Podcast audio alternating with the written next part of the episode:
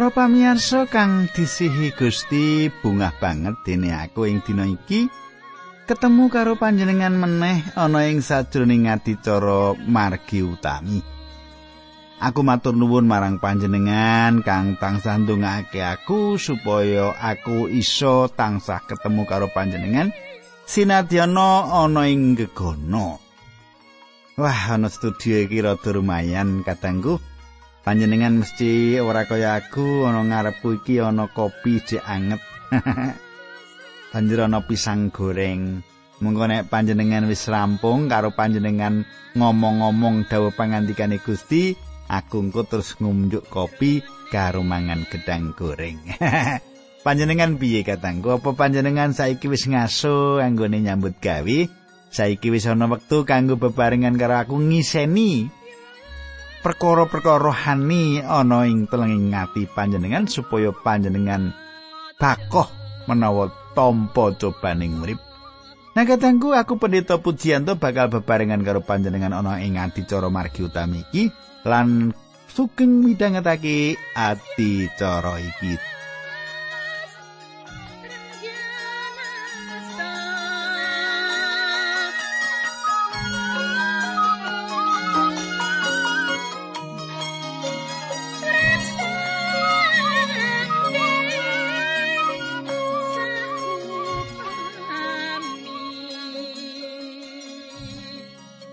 Kadangku ing patemon kita kepungkur kita wis mungkasi pasinaon saka kitab Injil Yohanes.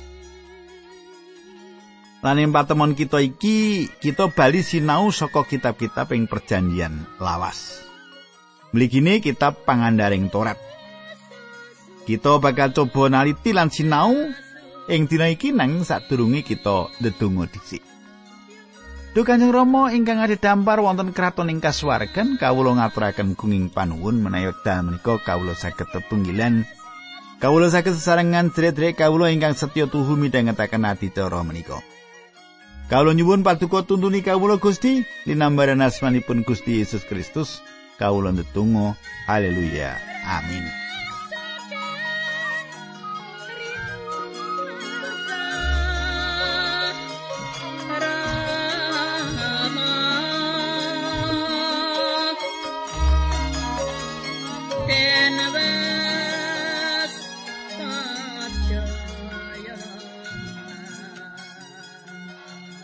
Para pamirsa, kitab pangandaring Toret sawijining kitab pungkasan saka kitab-kitab Pentateuch utawa kitab Pentateuk. Lima kitab kang kawitan ing sadroning kitab suci ditulis dening Musa lan lima kitab kuwi diwestani Pentateuk. Kuwi dijarwakake saka basa Yunani kang tegese loro utawa kapindho lan uga dicarwakake kang ateges angger-angger. Dadi ira-irahan pengandaring Torat ateges angger-angger kapindho. Kita ora kena nyimpulake yen iki mung sawijining angger-angger kang dibaleni saka angger-anggering Torat dikaya kang diparingake Musa ing Gunung Sinai. Angger-angger iki luwih saka mung sawijining ringkesan cekak.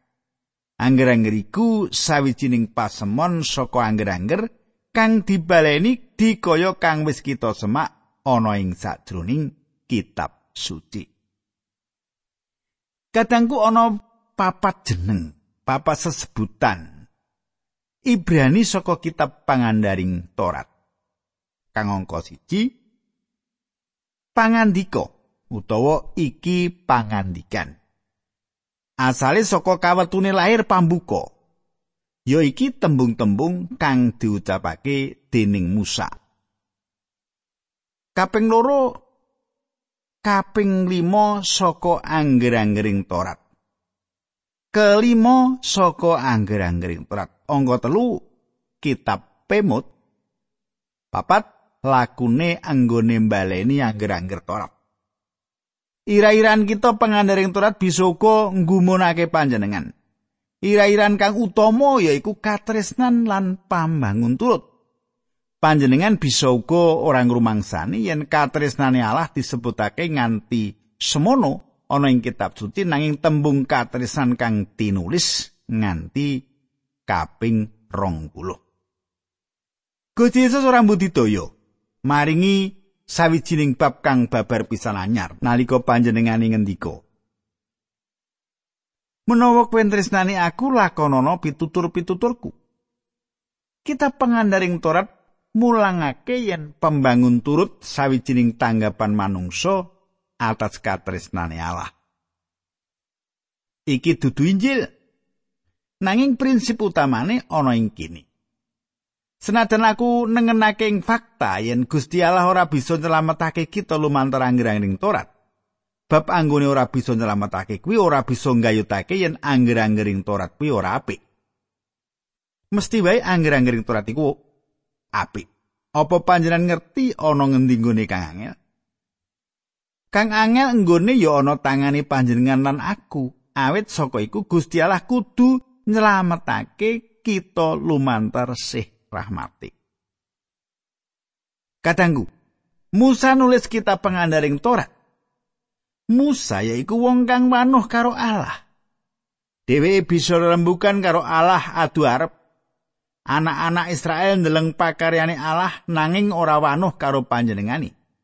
Musa ngerti margi-margi kagungan.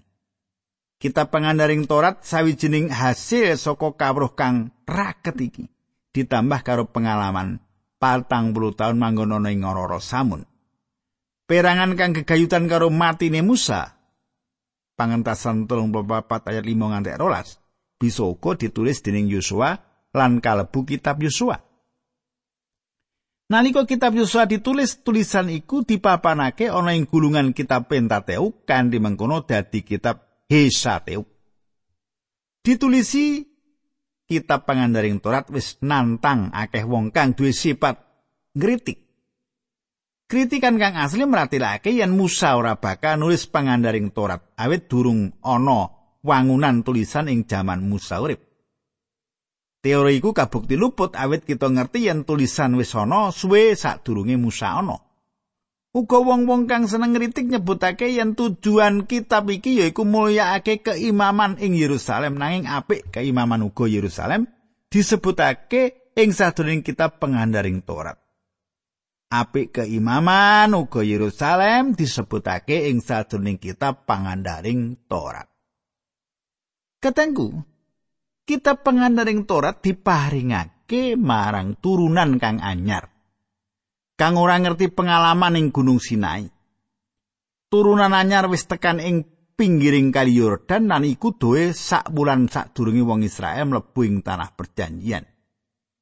Wong-wong dewasa saka turunan kang wis ninggalake Mesir wis mati lan balung-balunge tambah putih ing sak ngisoring langit ora-ora samun awit enggone ora percaya lan enggone ora bangun turut wong-wong kang mati kuwi wis nerak paugerane Allah wong-wong mau dosa awit ora nindakake dawuh wong-wong mau dosa awit ora gelem nindakake dawuh Allah panjenengan semak ora percaya iku dosa Angger-angger Torat ringkih ing sajroning lumawan pepinginan daging. Ya iki sebabe Gusti Allah duwe landasan kang babar pisan beda kanggo nyelametake kita. Kadangku turunan anyar iki, generasi anyar. Saiki lagi tumbuh tumuju kadewasan perlu duwe tafsiran angger-angger Torat kanggo tuturan anyar. Kang dideleng saka pengalaman saksuwene 35 tahun ngumbara ing ora-ora samun. Masalah-masalah anyar wis metu kang durung karanggih dening angger-angger Torat kanthi mligi. Gusti Allah uga ngendika marang umat kagungane yen umat kagungane kudu mulangake angger-angger Torat iki terus-terusan marang anak-anake. Rak patrap mengkono iku uga asring disepelake ing sajroning rumah tangga modern ing jaman iki to. Katengku, Musa menehi marang turunan anyar iki wulangan pungkasane saka Gusti sadurunge dheweke mundur nggone dadi pemimpin awit dheweke bakal mati. Musa nerangake pengalaman nalika ana ing ora samun menetake meneh wawasan-wawasan mligi saka angger-angger Torat lan dheweke meratelake wektu kang bakal dilakoni bangsa Israel gegayutan karo perjanjian Palestina kang wis ditindakake Allah karo dheweke kang gegayutan karo perjanjian. Kita bakal nyemak ing sadurunge kitab iki yen angger-anggere Musa dudu mung diwenehake marang sawijining bangsa, nanging ku diwenehake marang sawijining daerah. Kadangku ayo kita nyemak pasal siji saka pengandaring Torat iki. Musa lagi mawas meneh anggone lumaku anak-anak Israel lan nafsirake perkara-perkara saka apa kang lagi dumadi. Kabeh wong tua iku wis mati. Kajaba Kaleb lan Yosua. Musa lagi nyawisake turunan anyar supaya mlebu ing negara iku lan baleni meneh pengalaman para bapa saka wong-wong mau kanthi mengkono bangsa Israel entuk mupangat supaya nggone gagal kuwi ora kebalenan. Ayat siji pasal siji. Kitab iki si andarane Musa marang bangsa Israel nalika padha ngaso ana ing ora samun sawetane kali Yarden ya kuwi lebak Yarden sak cedhake kutha Su ing antaraning kutha Paran karo kutha-kutha ing sisih kanane kayata kutha Tofel, Laban, Haserot lan Disakap. Kadangku kang dak tresnani daerah kuwi katon minangka daerah kang gundul lan iki meratelake apa kang wis dumating negara mau mengabad-abad. Nalika Musa nyawang daerah mau, aku pikir dheweke ndeleng sawijining daerah kang ijo royo-royo lan subur. Jaman saiki daerah mau wis dadi segara wedi. Ayat loro. Saka Gunung Sinai menyang Kades Bernea metu pegunungan Edom kuwi suwene 11 dina. Kadangku Gunung Sinai ana ing Horeb. Tumuju menyang Kades Barnea ngentekake wektu 11 dina saka Horeb. Lan Horeb kuwi minangka lawang mlebu ing sadurunge tanah perjanjian. Bangsa Israel mbutuhake wektu 38 taun supaya bisa mlebu ing negara kuwi. Kamangka kudune mung cukup 11 dina. Kenapa? Kenapa ngantek semono taun? Awit nggone bangsa Israel ora percaya. Lakune bangsa iki dienggokake kanthi mengkono bangsa iki dadi wong ngumbara. Lan dadi wong asing lan dadi penjiarah ing ora samun. Awit bangsa iki rendet ing sadroning sinau, manut aku kita duwe IQ kang endek sora kasukman kang dadi watek pantu kita. Katone Gusti kudu ngobong gedung sekolah luwih dhisik sadurunge kita gelem metu saka papan kuwi. Ayat telu. Nalika tanggal siji sasi 11 taun ping patang puluh kaitung wiwit budale saka tanah Mesir, Musa ngandharake marang bangsa Israel sakai perkara sing didhawuhake dening Allah marang bangsa mau. Kadangku ing pungkasane saka nggone ngumbara. Musa nglantarake sesorae kang kawitan marang bangsa iku. Jelas apa kang dilantarake Musa kawitan secara lisan banjur ditulis. Sadurunge wong kang gaweaning ngritik nemokake keluputaning perkara iki, wong-wong mau ngandhake yen ing jaman semono durung ana bentuk tulisan. Wis mesti wae saiki kabukti yen tulisan wis dikenal manungsa suwi sadurunge Musa urip. Musa iku juru wicarane kang menehi sesorah nanging dheweke nyetakake yen sesorah iki diparingi dening Gusti. Nalika naliti meneh sejarah bangsa Israel lan sinau anggone ngumbara kanthi jlentreh, Musa nyebutake kaluputan kang gedhe. Siji ayat 9, tembunge Musa marang bangsa mau. Nalika kita ana ing gunung Sinai, aku wis kondo. Tanggung jawabku dadi pemimpinmu kuwi ndak rasa kabotan kanggone aku. Aku ora bisa nandangi dewi. Ayat 13, 13 Nanging yen aku dhewean kaya mengkini kepiye bisa kumikul tanggung jawab sing semono abote ngurusi perkara-perkaramu. Mulane saben taler milya wong lanang sawetara sing wicaksana, sing duwe kapinteran lan pengalaman supaya ndak angkat dadi pemimpinmu. Kadangku kita nemokake laporan gegayutan karo perkara iki ing sajroning kitab pangentasan 18. Musa kena pengaruh nanggung momotan abot lan frustasi. Frustasi kuwi cuwo banget. Penganggepe dheweke dhewe bisa nanggung momotan Israel. Gusti ngidinake dhewe milih para tuwa-tuwa dadi kaya sawijining komisi kang anggotane ana pitung puluh wong. Para tuwa-tuwa mau sebanjure dadi Sanhedrin, Mahkamah Agama Yahudi. Ya iki organisasi kang tundone nyedani Gusti Yesus mataun-taun sak banjuri. Musa ing sadurunge cuwatine kelangan pamawas gegayutan karo lakon yen sabenere Gusti Allah kang nanggung momotan Israel. Musa yaiku pemimpin kang dipilih dening Allah. Dheweke sabenere ora mbutuhake sawijining komisi utawa sawijining badan kanggo mitulungi ngadepi bangsa Israel iki. Musa nindakake sawijining kaluputan gedhe lan dheweke nyebutake ing kene. Setitik wong kang gelem nyebutake keluputane. nanging Musa wani nindakake. Dheweke kandha yen perkara kuwi keprungune apik nanging ora kasil lan nyebabake akeh kangelan. Kadangku kang dak tresnani apa panjenengan uga gelem ngakoni kaluputan yen panjenengan luput. Dadi wong Kristen nek panjenengan ora gelem ngakoni lupute tangsa rumangsa bener, lah iki nuwuhake kangelan ning urip panjenengan dhewe. Katanggu perkara kang padha bisa dumadi ing sajroning gereja. Aku pikir salah siji perkara kang paling elek kang bisa dumadi ing sawijining gereja yaiku pengurus kang ora gelem manut parang pendetane. Ing sajroning cecongkrahan kaya mengkono iku mbuh pengurus kuwi kang kudu lunga apa pendetane. Menawa pendetane tetep kukuh marang wulangan pangandikane Allah lan ngutbahake mono dadi kewajiban pengurus supaya nyengkuyung. Menawa para pengurus mau ora seneng marang cara pendetane mimpin pengurus mau kudu metu. Emane lumrahe para pengurus mau tetep panggah mecah belah gereja lan budidaya nyalepake sang pendeta. Apa panjenengan kepengin ngerti pamawase Musa marang ora-ora samun kang wis wong Israel leboni? Cici ayat 19. Kita banjur nglakoni apa sing didhawuhake dening Allah.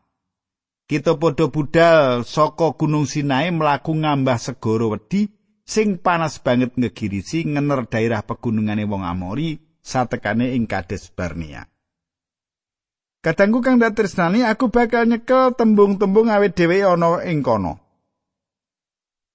Aku bakal nyekeli tembung-tembung tembung-tembunge awet dhewe ana ing kono. Apa kang ditulis kuwi sawijining pengalaman kang ngidapi-dapi. Pangumbaran ing ora samun dudu sawijining lakon kang kepenak kang dilakoni wong Israel.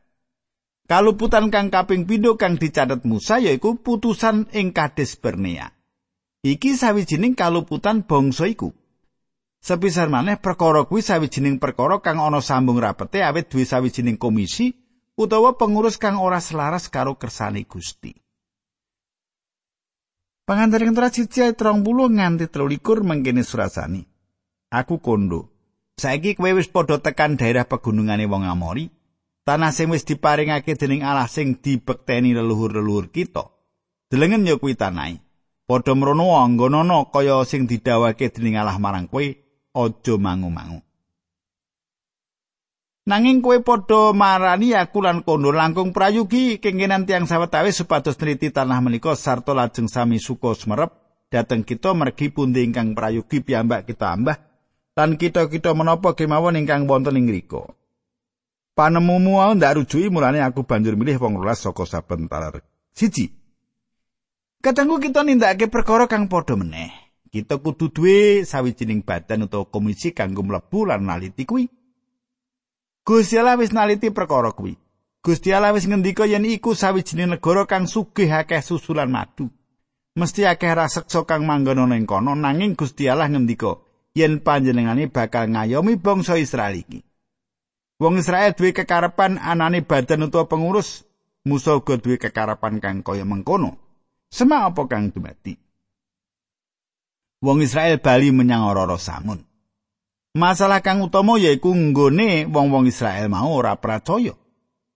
Gusti Allah wis ngendika negara kuwi negara kang subur. Nanging wong Israel kondo yen ana ing kono urip para raksasa. Gusti Allah wis ngendika yen panjenengane bakal ngayomi saka raseksa-raseksa mau awit panjenengane bakal maringi kabisan marang bangsa Israel supaya bisa ngalahake raseksa-raseksa mau. Wong Israel ora percaya marang Gusti Allah. Kadangku asring wong Kristen nemokake awake dhewe yen diadepake karo raseksa-raseksa ana ing sajroning uripe. Aku yakin minangka jejering putra Allah panjenengan wis nemokake awak panjenengan dhewe ana ing negara para raksasa. Percaya banget deningange kanggo mangerteni kepiye ngendhaleni raseksa mau nalika panjenengan bentuk awake cilik utawa malah cebol. Gusti Allah wis maringi marang kita janji kang padha. Panjenengane kuwowo ngendhaleni para raksasa kanggo kita. Tenan sawijining kang gumenake mangerti perkara iku bener to? Dudu kahanan kang ana njaban kita kang dadi masalah kang nyata. Malah kahanan ing sajroning badan kita anggon kita ora percaya ing sajroning ati kita kang dadi jalaran saka masalah kita. Saiki Gusti Allah nyetakake marang wong-wong Israel yen kabeh turunan kang teka ing Kades Barnea lan Bali bakal mati. Mung wong loro saka turunan tuwa kang diijinake mlebu negara mau, wong loro mau ya kuwi Yosua lan Kaleb. Ayat 34 nganti 38 Pirsa pangrundelmu mau Gusti Allah banjur duka. Panjenengane sumpah saka antarane wong-wong duraka iki ora ana siji wae sing bakal mlebu ing tanah sing wis ndak janjake marang leluhure. Mung Kaleb anake Yefune wae sing bakal mlebu merga wong kuwi tetep setya marang aku. Kaleb lan anak turune bakal ndak paringi tanah sing didrajai. Merga saka pratingkahmu Gusti Allah duka marang aku lan ngendika Musa, kowe uga ora bakal mlebu ing tanah kuwi. nanging Yosua anake Nun pembantumu kuwi kuatno atine wong kuwi sing bakal ngirit bangsa Israel mlebu lan ngenggoni tanah mau. Kadangku Kaleb lan Yosua beda karo liyane wong loro mau dadi telik sandi kang percaya marang Allah. Lan nggawa laporan kang bisa dipercaya sawijining laporan kang apik. Faktane yaiku Kaleb kasil ngrebut kang dikarepake kita bakal nemokake sebanjure ing kitab Yosua. Yen dhewe iku sawijining wong kang ngidapi-dapi Kaya mlaku munggah budhun negara kuwi lan dhewe kandha yen gunung kuwi papane para raseksa. Yaiku kang ndak karepake. Tembunge lan Gusti Allah maringi tanah kuwi kinangka warisan. Apa kang panjenengan karepake saka Allah? Apa panjenengan kuwi wong tuwa? Apa panjenengan wong nom kang lagi miwiti kauripan? Apa kang panjenengan karepake saka Allah? Menawa panjenengan duwe pikiran yen panjenengan bisa lungguh ana pinggiring dalan lan panjenengan keturutan, panjenengan luput. Akeh wong kang duwe pikiran yen wong-wong mau mung perlu lungguh lan ndedonga-ndedonga lan ndedonga.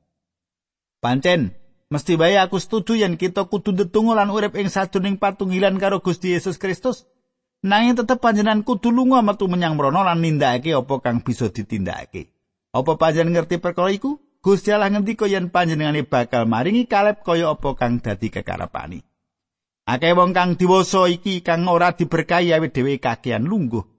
Lan ora gelem nindakake apa-apa iku sawijining papanan cara kang luput penawa kita kepengin diberkahi Allah. Kita kudu mlaku. Ana akeh perkara dingendikake ing kitab suci, kegayutan kegiatan kang kudu ditindakake wong Kristen lan setitik banget dikandhakake bab wong Kristen kang ora nindakake apa-apa. Urip kita kudu sumindi marang janji prastiani Allah. Katengku sebanjuri kepiye kita bakal nyemak ayat-ayat sebanjure saka kitab pengandaring surat iki nanging ana patemon kita kang dina candhake nanging saiki kita ndedonga dhisik kita tutup patemon kita iki. Duh Gusti Allah ingkang Maha Asih kawula ngaturaken kuing panuwun. Menawi wekdal menika kawula saged sesarengan midhangetaken sabda pangandikan paduka. Matur nuwun Gusti Yesus linambaran asmanipun Gusti Yesus kawula ndedonga. Haleluya amin